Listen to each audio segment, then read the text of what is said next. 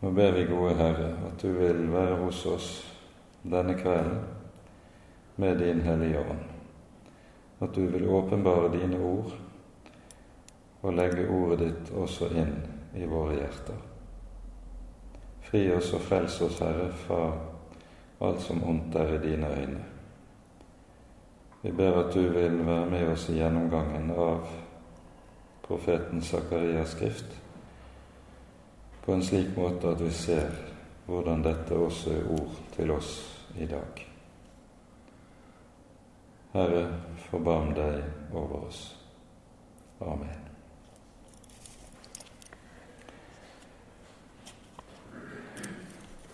Når vi nå begir oss inn i profeten Sakarias skrift, eller Zakaria, som eh, det meget mer korrekt heter i de nye bibeloversettelsene, så befinner vi oss på den tid som handler om Israels hjem, hjemkomst fra det babylonske fangenskap.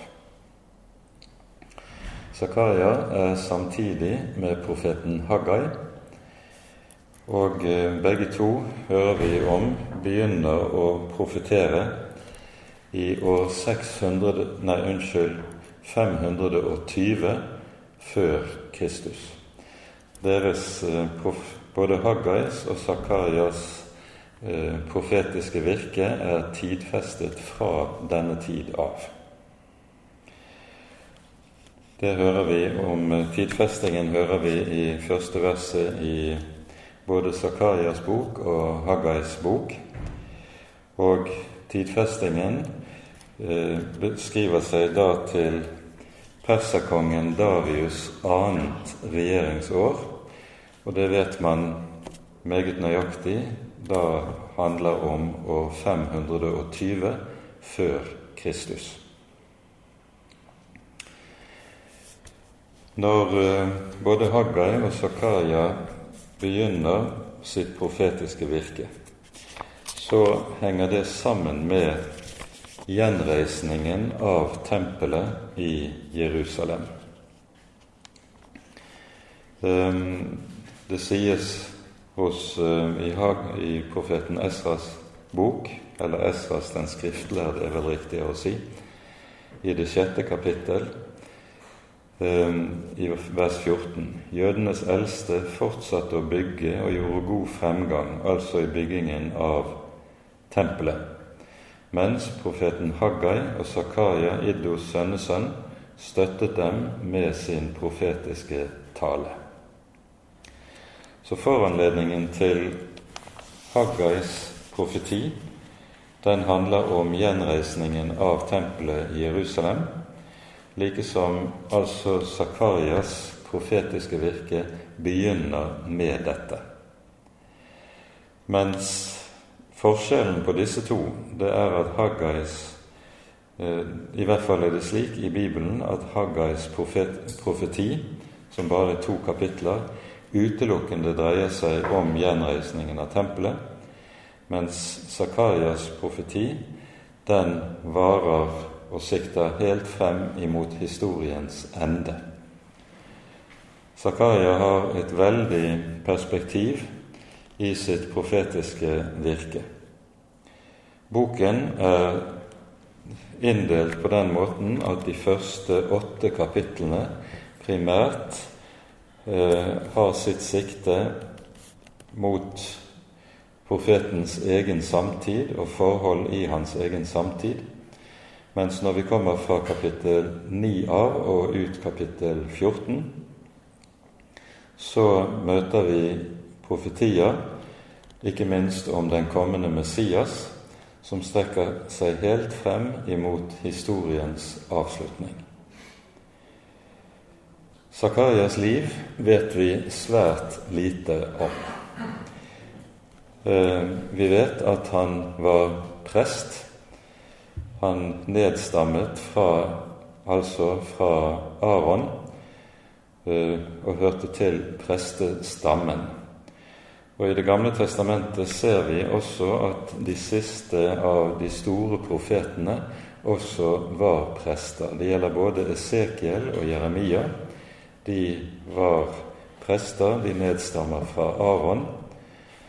Og at Herren kaller nettopp menn fra prestenes eh, slekt, er neppe tilfeldig. Fordi der hvor prestene var tro mot Herren, så besto også en stor del av deres tjeneste i å gjøre seg kjent med Guds ord i Skriften. Og på denne måten så ville det også være naturlig at Herren bruker det Guds ord som de, disse kjenner, med tanke på det profetiske budskapet som de er satt til å formidle. Zakaria har antagelig hørt med til de, den første puljen som fikk tillatelse til å reise tilbake til Jerusalem etter fangenskapet i Babylon. Han har da antagelig vært bare en liten gutt og var relativt ung da han startet på sitt profetiske virke, slik vi hører det i år 520. Mens Haggai, da var hans eldre samtidige. Det er viktig for oss å ha en del av det som er begivenhetene og historikken i dette som skjer her, eh, med oss i minne når vi skal se på Zakarias virke. Navnet Zakaria, Zakaria på hebraisk, betyr rett og slett 'Herren husker', 'Herren kommer i hu'. Og vi kan med full berettigelse si at dette er også noe av det som er grunntemaet i hele hans profetiske skrift. Herren kommer i hu, Herren har ikke glemt. Og det som det da aller nærmest eh, er naturlig å peke på, er at Herren ikke har glemt sine løfter til sitt folk. Selv om det kunne se ut, ut fra de historiske omstendigheter som Israels folk opplevde, at Herren hadde gått fra sine løfter. Det som ligger bak, det er altså det babylonske fangenskap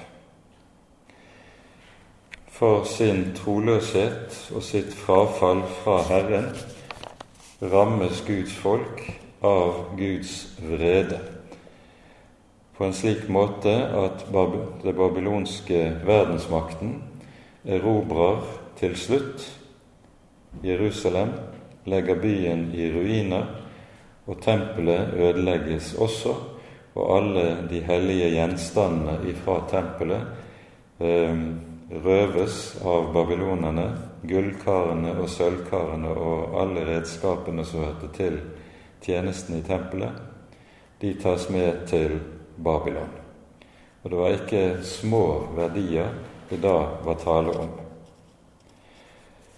Salomos tempel legges altså i grus. Og det som blir borte ved denne anledning, det er paktens ark med nådestolen over den. En vet ikke hvor denne blir av. Babylonerne har antagelig ikke fått den med seg i fangenskapet som en del av krigsbyttet, og jødisk tradisjon har to ulike forklaringer på hva som ble av paktens ark. Den ene tradisjonen sier at profeten Jeremia gjemte paktens ark i en hule under Tempelberget.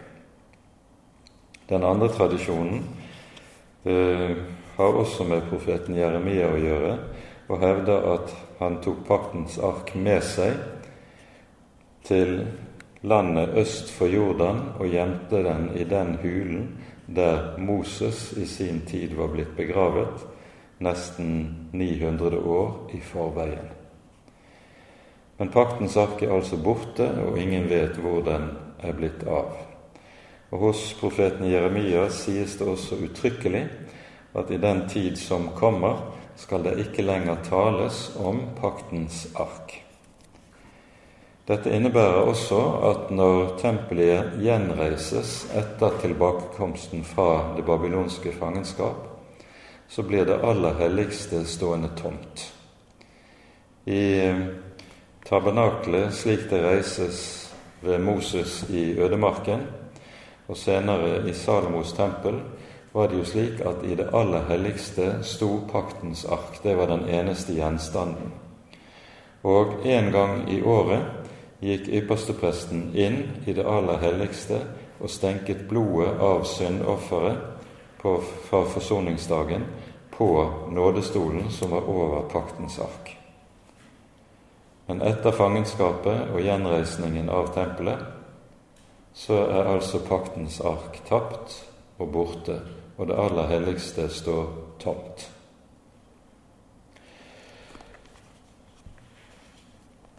Hos Jeremia sies det uttrykkelig at det babylonske trengselen skal vare i 70 år. Derfor leser vi også i de to siste versene i annen krønikebok følgende. Så skjedde det i perserkongen Kyros første år, for at Herrens ord i Jeremias munn skulle oppfylles. Vakte Herren slike tanker i perserkongen Kyros ånd, at han lot utrope i hele sitt rike og dessuten kunngjøre ved en skrivelse. Så sier Kyros, kongen i Persia. Herren, himmelens Gud, har gitt meg alle jordens riker, og han har pålagt meg å bygge et hus for ham i Jerusalem i Juda. Er det noen blant dere som hører til hans folk, må Herren hans Gud være med ham, han kan dra dit. Det som altså her skjer, det er at det persiske riket overrumpler og overmanner det babylonske verdensriket, og det skjer i år 537 eller 38 før Kristus. Da har det babylonske verdensriket stått i 70 år. Det babylonske verdensriket fikk makten i Midtøsten i år 605 eller 606 før Kristus, og så profeterer Jeremias flere ganger, som vi kan høre det i Jeremia-boken, at når 70 år er til ende for Babylon, vil jeg vende Israels skjebne. Så det babylonske riket blir stående i 70 år. Likeledes er det også slik at det går 70 år fra tempelets ødeleggelse, som skjer i år 586 det er da babylonerne inntar Jerusalem og jevner byen med jorden. Når gjenreisningen av tempelet er ferdig, så skjer det ifølge Esras bok i, det, i kong Darius' sjette regjeringsår, dvs. Si i år 516. Og da er det også gått 70 år.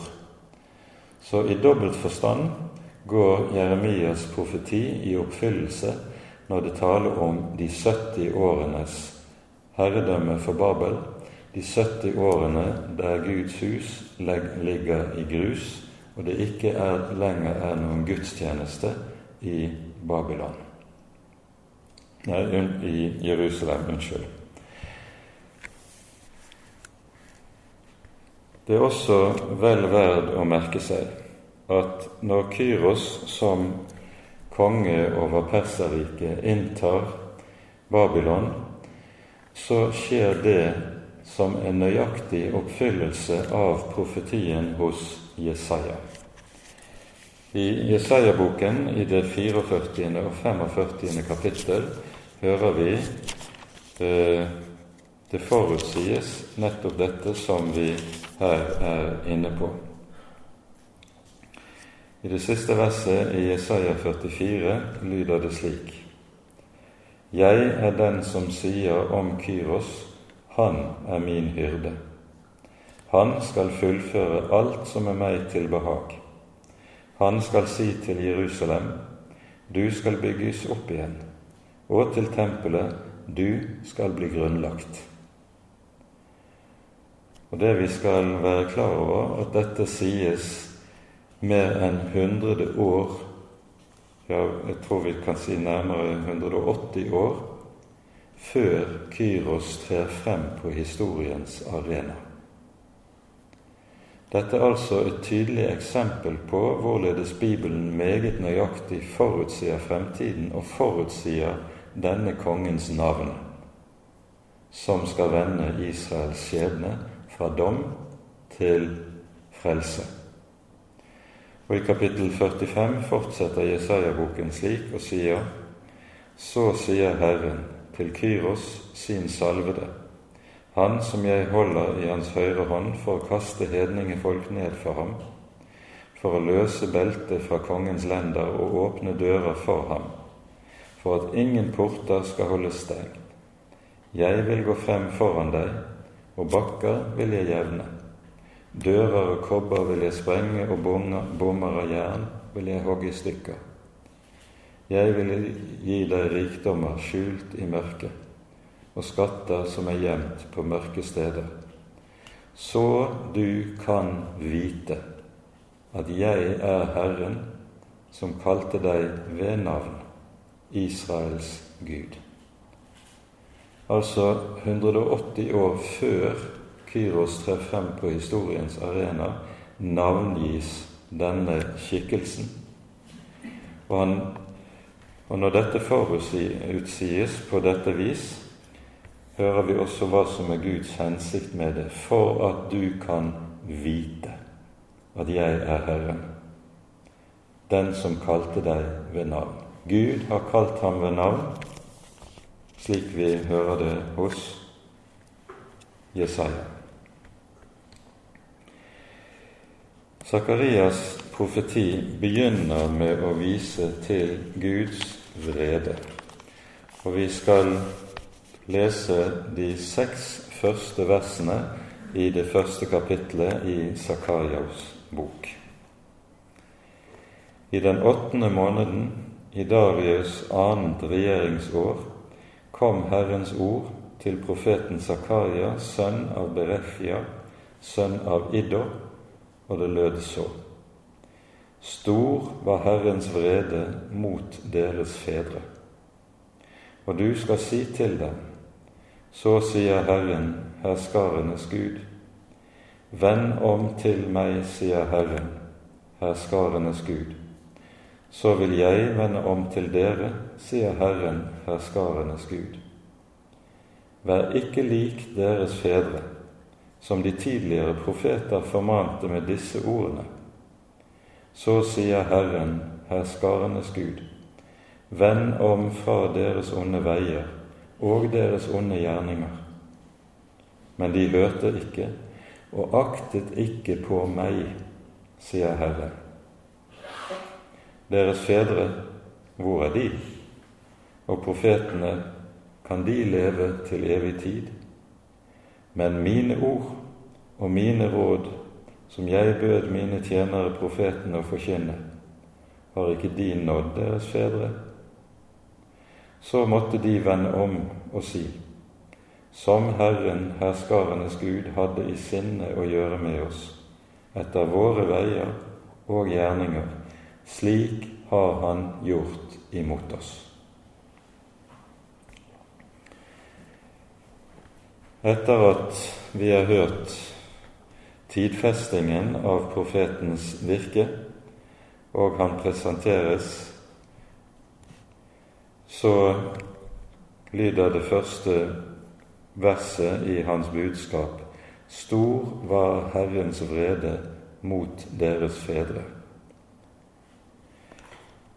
Bokstavelig står det i grunnteksten Vred var Herren med vrede mot deres fedre. Det er et voldsomt sterkt uttrykk som anvendes i grunnteksten for å understreke dette. Og det er nettopp Guds vrede som eh, ligger bak det babylonske fangenskapet. Historikken forut for det babylonske fangenskapet var jo den at um, babylonerne inntok Jerusalem to ganger før den endelige ødeleggelsen ved den tredje gangs inntagelsen. Første inntagelsen var i år 605. Fra da av ble Juda og Israels folk lydrike under den babylonske kongen.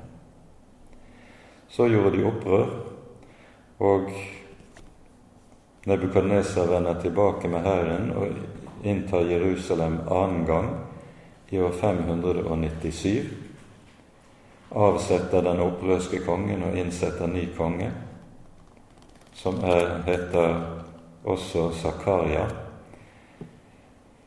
Og etter at også han gjør opprør mot Babylon, så sier Nebukadnesa nå får det være nok. Dette gjenstridige folket vil jeg ikke lenger ha tålmodighet med. Og når han så kommer tredje gang til Jerusalem, så legges altså byen fullstendig i ruiner. Det som skjedde i 597 da Nebukadnesar annen gang inntok Jerusalem uten å ødelegge byen, det var at han da førte en stor andel av folket i fangenskap til Babel. Og de som ble ført i fangenskap i Babylon ved den anledningen, var hele lederskapet i folket. Det var toppsjiktet både økonomisk, militært, sosialt og politisk, som ble bortført til fangenskap i Babylon. Så når han tredje gang inntar byen og legger den øde, så drepes stor, den største andel av folket som da er tilbake. Og en liten rest føres med også i fangenskap i Babylon, og noen ganske få får lov til å bli værende i landet og dyrke landet. Men de er ikke mange, og de er små og hjelpeløse. De som var bortført til Babylon i 597, det er denne delen av folket som etter hvert forstår at det som har skjedd dem, er en oppfyllelse av Herrens ord ved profetene. Og etter hvert så synker det inn slik at en større andel av folket også vender om. Og som redskap til dette har Gud en profet som virker i Babylon, og det er profeten Esekiel. Esekiel kommer aldri til å virke i Israels land. Hele sitt virke skjer for hans vedkommende blant de bortførte i Babylon, og hans profetiske virke er noe av Guds viktigste redskap til omvendelsen blant de bortførte. Den store hovedsynd i Israels folk forut for det babylonske fangenskap, det var avgudsdyrkelsen. Folket lot seg stadig friste av avgudsdyrkelsen blant sine nabofolk. De dyrket nok også Herren, men Herren ble bare dyrket ved siden av alle de andre gudene. Under det babylonske fangenskap så knekkes avgudsdyrkelsen alt vesentlig. Slik at etter fangenskapet i Babylon så ser det ut til at avgudsdyrkelsen i veldig liten grad blir noen fristelse for det jødiske folk når de vender tilbake til Jerusalem. Det er andre synder som nok kommer til å gjøre seg gjeldende blant folket, men avgudsdyrkelsen blir i liten grad noe som gjør seg gjeldende blant de hjemvendte etter fangenskapet. Når Herren fører folket tilbake fra fangenskapet i Babylon, så skjer det altså i henhold til profeten Jeremias meget klare løfte om de 70 år. samtidig som det også er slik at dette er noe som Herren allerede har lovet folket gjennom Moses, og som vi hører i 5. Mosebok i det 30. kapittelet. Og vi tar oss tid til å lese herfra. Vi leser kapittel 30 fra vers 1. Når alle disse ting kommer over deg, velsignelsen og forbannelsen som jeg har forelagt deg, og du tar det til hjertet ute blant alle de folk som Herren din Gud har drevet deg bort til, og når du av hele ditt hjerte og hele din sjel omvender deg til Herren din Gud, og hører på Hans røst i alt det som jeg byr deg i dag, både du og dine barn, da skal Herren din Gud gjøre ende på ditt fangenskap og miskunne seg over deg og han skal igjen samle deg fra alle de folk som Herren din Gud hadde spredt deg iblant. Selv om dere er drevet bort til himmelens ende, så skal Herren din Gud samle deg og hente deg der. Og Herren din Gud skal føre deg til det land dine fedre eide, og du skal ta det i eie. Han skal gjøre vel imot deg og gjøre deg mer tallrik enn dine fedre.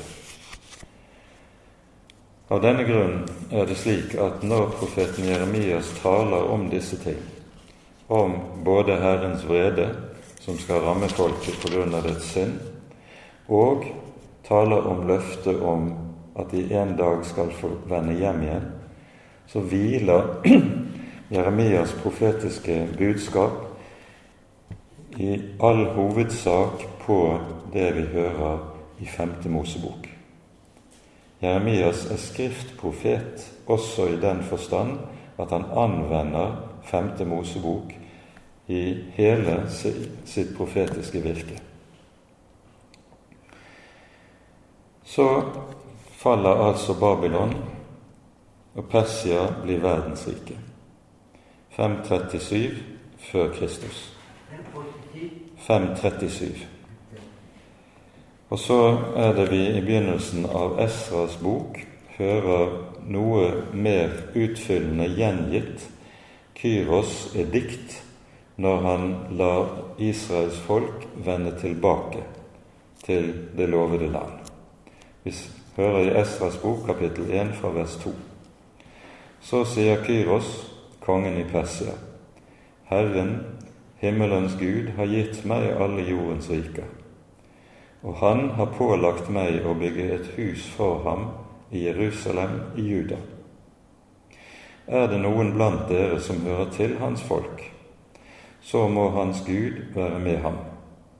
Han kan dra opp til Jerusalem i Juda og bygge Herrens, Israels Guds hus. Han er den Gud som bor i Jerusalem. Alle de overlevende skal få hjelp av befolkningen på det sted hvor de oppholder seg som fremmede. En skal gi dem sølv og gull, gods og buskap, og dessuten frivillige gaver til Guds hus i Jerusalem. Og så følger det og Judas og Benjamins familieoverhoder, like som prestene og levittene, alle de som hadde fått sin ånd vakt av Gud, gjorde seg da klar til å dra opp for å bygge Herrens hus i Jerusalem. Og med det begynner altså tilbakevendingen fra det babylonske fangenskap. Vi hører senere ut i Esras bok at det listes opp de ulike slektene og familiene som nå vender tilbake, og antallet på eh, gruppen, den første gruppen som nå vender tilbake, er ca. 42 000 personer. Når vi hørte i det femte verset her i Esras første kapittel, så nevnes det kun to stammer pluss prestestammen, nemlig Juda og Benjamins stamme. De ti øvrige stammene i det gamle Israel, de er borte. Som dere vil huske, så var etter Salomos død så ble Israels rike delt i to, Nordriket og Sydriket. Og Sydriket bestod av Juda stamme og Benjamins stamme. Det er disse som føres i fangenskap i Babylon. De ti øvrige stammene som hørte til i Nordriket, de ble ført i fangenskap av Asyria da asyrerne erobret Nordriket i år 721 før Kristus. Og disse blir borte fra historiens arena. Og det er egentlig et ganske stort mysterium hvor det ble av dem. Man har jo spekulert på om noen av disse eksempelvis kan være fallasjerne fra Etiopia som har fått vende tilbake til Israel. Men her er det usigelig mye som vi ikke vet.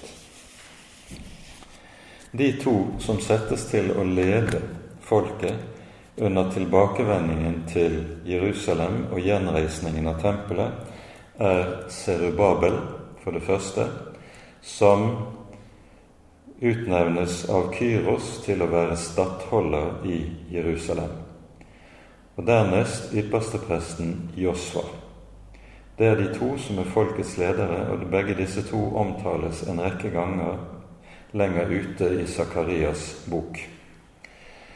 Og i året etter at folket har vendt tilbake, de vender tilbake i 536 og starter året etterpå på å gjenreise tempelet, så er det første som skjer, at de gjenreiser brennofferalteret som sto i forgården til tempelet, og starter allerede da med de pålagte eller foreskrevne ofringene som vi hører om i Mosebøkene.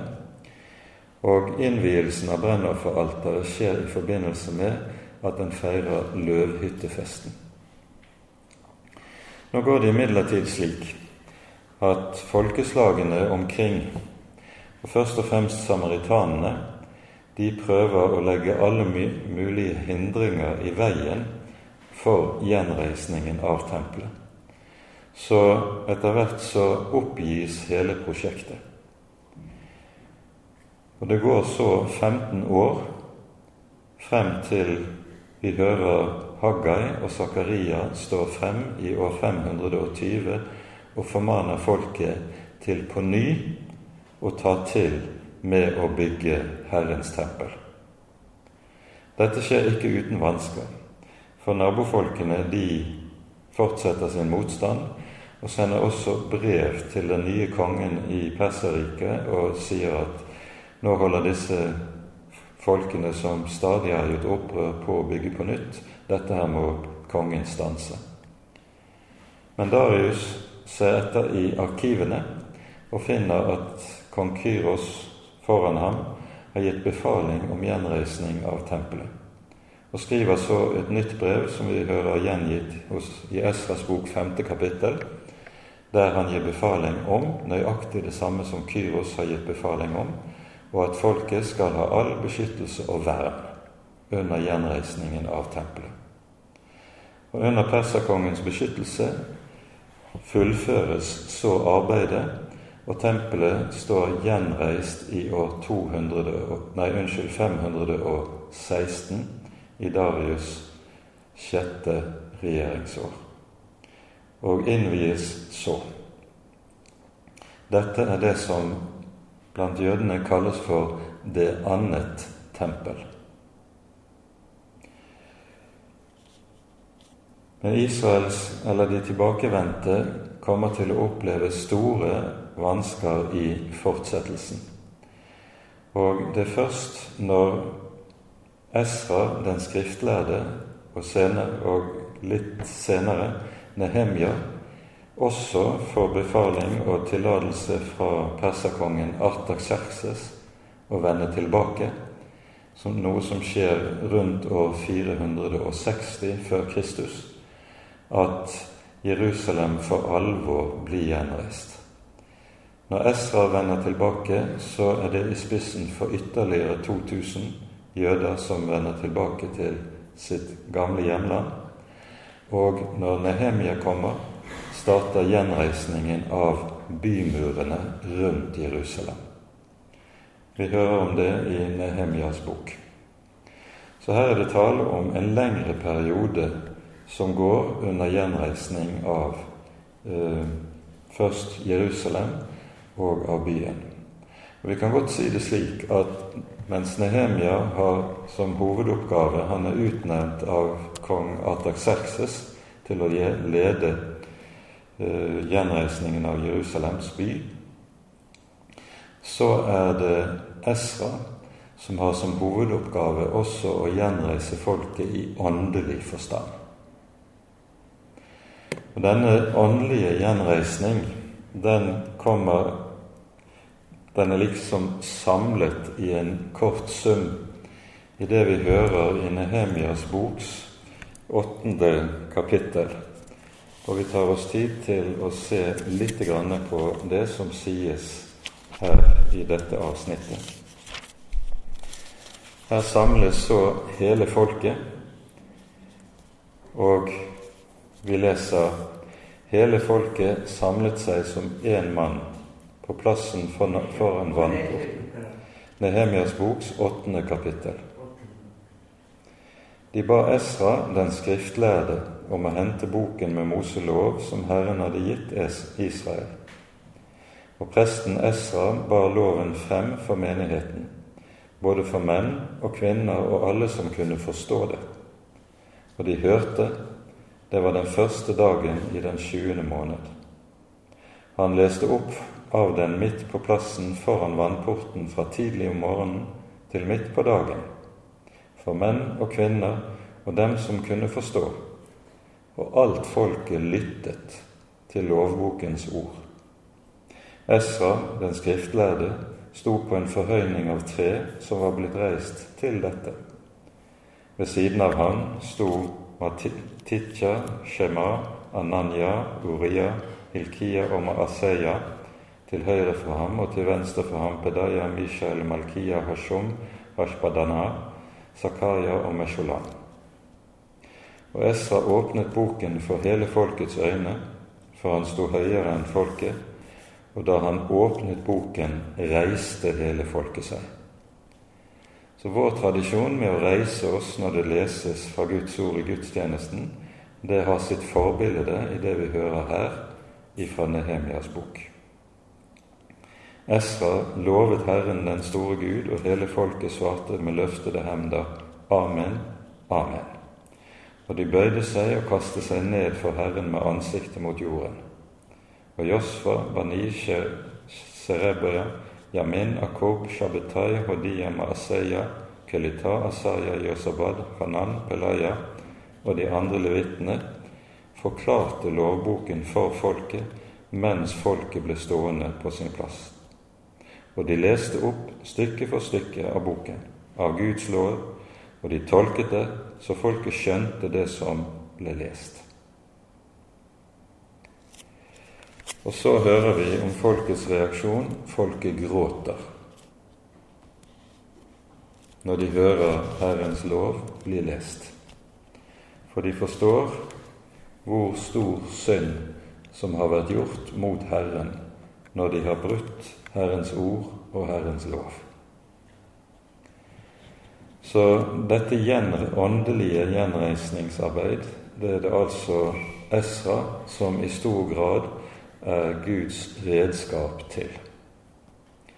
Samtidig må vi si at profeten Zakaria er et Guds viktige redskap i dette, sammen med profeten Malakia, som lever omtrent samtidig med Esra.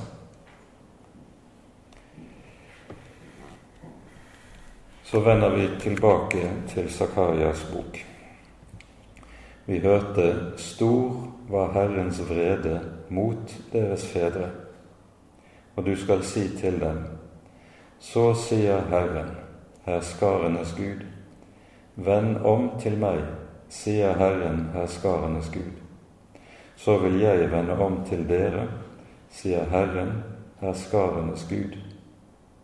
Vær ikke lik deres fedre, som de tidligere profeter formante med disse ordene så sier Herren, herskarenes Gud, vend om fra deres onde veier og deres onde gjerninger.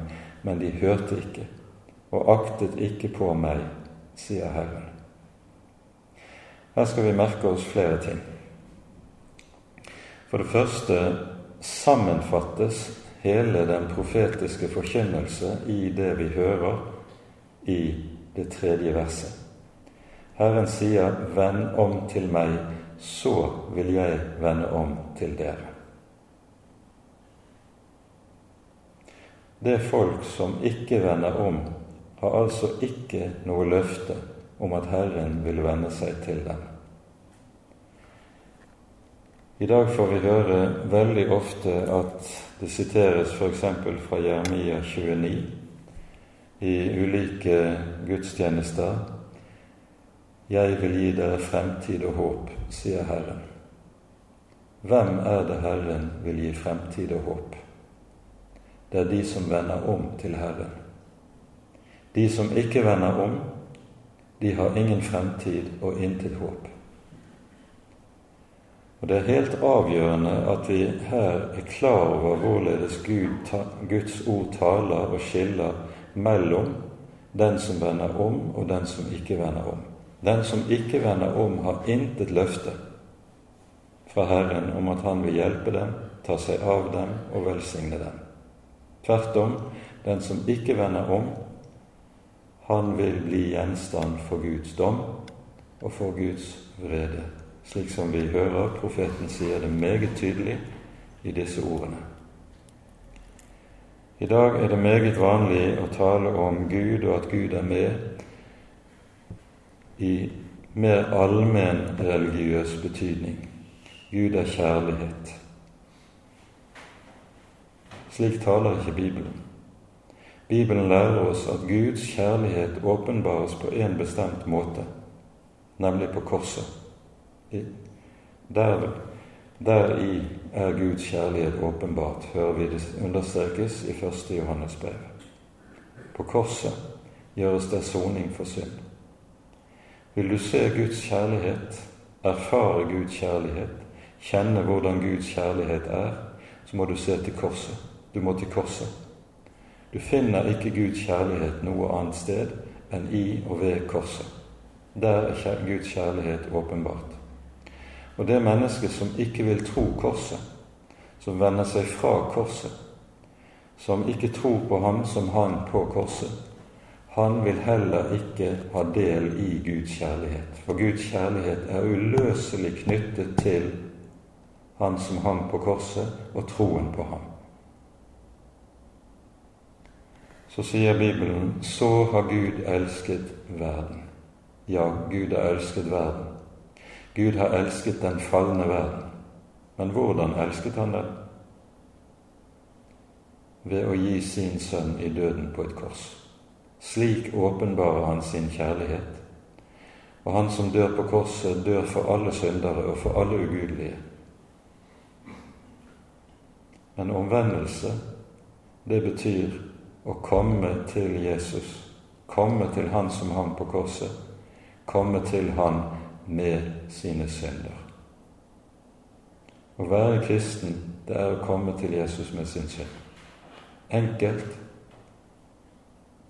Meget enkelt er det, og det er det som heter omvendelse. Omvendelse er å komme til Jesus med sine synder og be Herre, Vær meg, arme synder, nådig. Og Dette er altså summen av profetenes budskap. Vend om til meg, sier Herren, så vil jeg vende om til dere. Den som vender om, på dette vis han har også del i alle Guds løfter, uten unntak.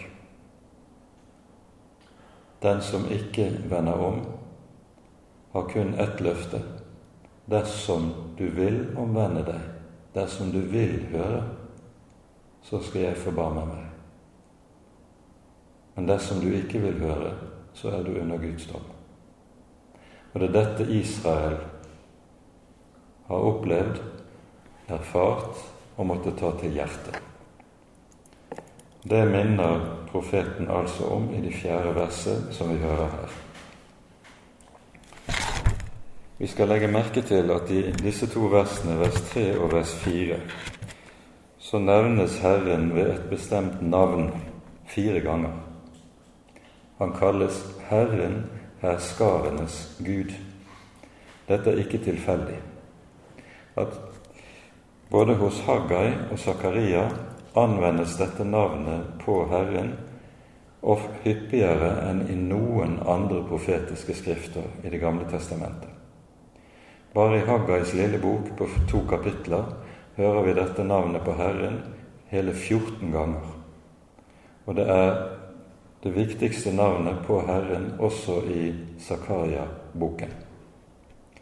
Herskarenes Gud, eller Herren Sebaot, som det egentlig lyder på hebraisk, det betyr at Gud er den allmektige som har alt i sin hånd. Det er et uttrykk for Guds allmakt.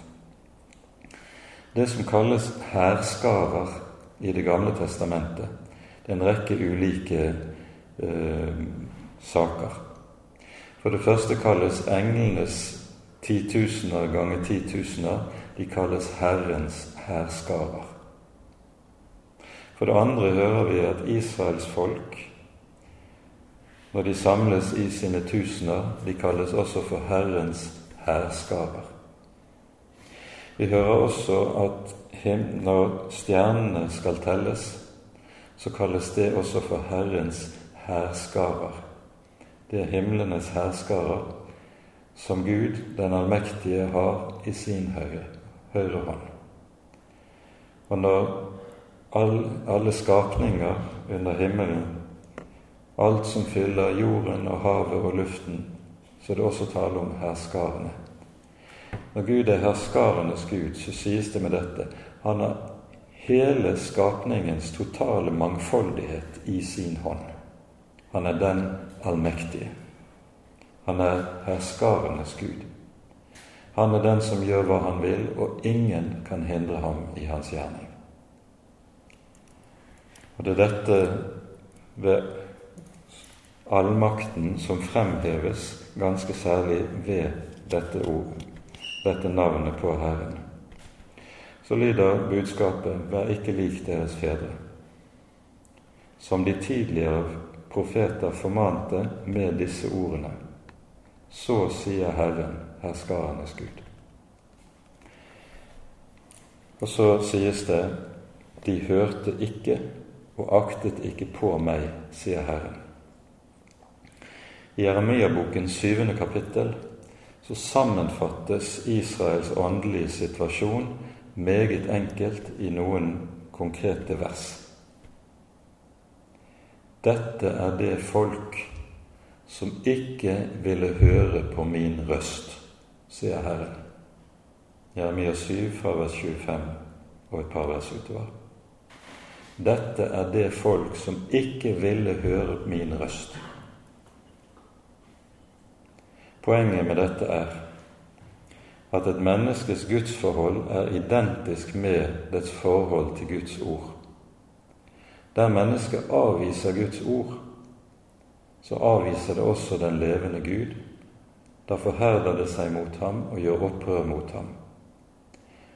Og det altså å være et stivnakket folk som ikke hører Guds ord, det er ensbetydende med å forherde seg mot den levende Gud. Så dette uttrykket er uhyre viktig i vår bibel. Dette er de, Men de hørte ikke og aktet ikke på meg. De brydde seg ikke om meg, betyr det egentlig det som sies fra Herren her. Og i det ligger det en stor sorg i Guds hjerte. Så følger profeten opp med disse ordene Deres fedre, hvor er de? De som forherdet seg mot Herrens ord og profetenes kall, hvor er de? Dere vet det godt. Dere ser deres graver.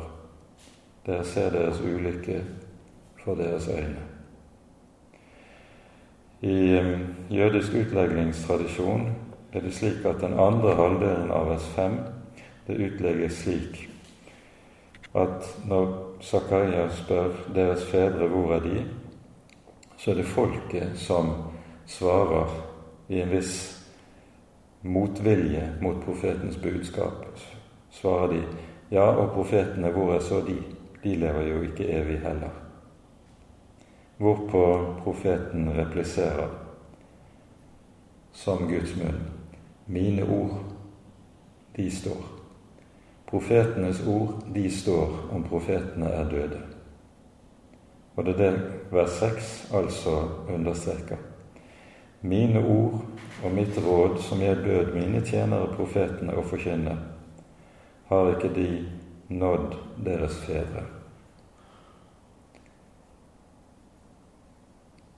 Det ordet som er oversatt med 'nådd deres fedre', det betyr bokstavelig eh, å ta igjen. Det er bildet av en som forfølger en annen, og så tar han ham igjen. Og her er det altså Guds ord som forfølger fedrene, tar dem igjen.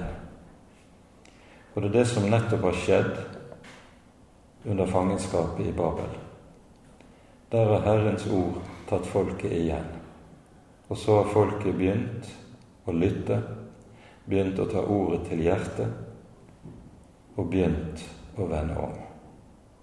Og det er det som så kommer i siste delen av det sjette verset. Har ikke mitt ord nådd deres fedre, så de måtte vende om og si:" Slik Herren herskarenes Gud hadde i sinne å gjøre med oss etter våre veier og våre gjerninger, slik har Han også gjort imot oss. Folket erkjenner sin synd, erkjenner at Guds dom er rett og rettferdig, at de bare får det som deres synd har dratt inn over dem. Og Det som da lyder da i disse siste ordene i det sjette verset her, det er det det er satt ord på meget tydelig. For det første i klagesangene. Hele klagesangene er et eneste sammenhengende uttrykk for dette at Herrens ord har tatt, så å si, nådd igjen og blitt tatt til hjertet. Og for det andre i Daniels botsbønn slik vi finner den i det niende kapittel i Daniels bok. Denne Daniels botsbønn, som er en av de mest gripende bønnene vi har i hele vår bibel. Og denne bønnen er samtidig også utgjør, utgjør samtidig også roten til den store bønnen som bes på bots- og bededag fra gammelt av i våre kirker. Vi har ikke tid til å lese hele Daniels botsbønn, men den er et eneste sammenfattende uttrykk for dette at Herrens ord har blitt tatt til hjertet, og så bøyer en seg i skam over egen synd, egen troløshet, bøyer seg i anger og roper 'Forbarm deg over oss, Herre' forbarm deg over oss.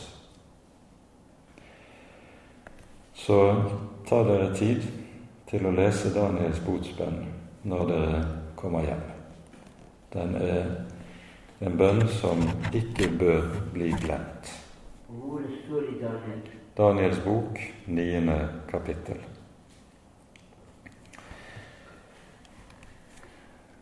Vend om til meg, så vil jeg vende om til dere. Dette er begynnelsen på det budskap som profeten Zakaria har å bære frem for folket. Og vi møter den samme tonen igjen i de åtte første kapitlene av hans bok, samtidig som vi også i disse åtte kapitlene møter helt sentrale profetier om den kommende Messias. Det vil vi komme til etter hvert. Men med det setter vi punktum for dagens bibeltime. Og eh, vi fortsetter videre utover i Zakarias bok onsdag om to uker. Ære være Faderen og Sønnen og Den hellige ånd, som var og er og være skal, en sann Gud, høylovet i evighet. Amen. La oss sammen be Herrens bønn. Vår Far i himmelen. La navnet ditt helliges. La riket ditt komme. La viljen din skje på jorden slik som i himmelen. Gi oss i dag vårt daglige brød, og tilgi oss vår skyld, slik også vi tilgir våre skyldnere. Og la oss ikke komme i fristelse, men frels oss fra det onde for riket er ditt, og makten og æren i evighet. Amen. Ta imot Herrens velsignelse. Herren velsigne deg og bevare deg. Herren lar sitt ansikt lyse over deg og være deg nådig. Herren løfter sitt åsyn på deg og gir deg fred. Amen.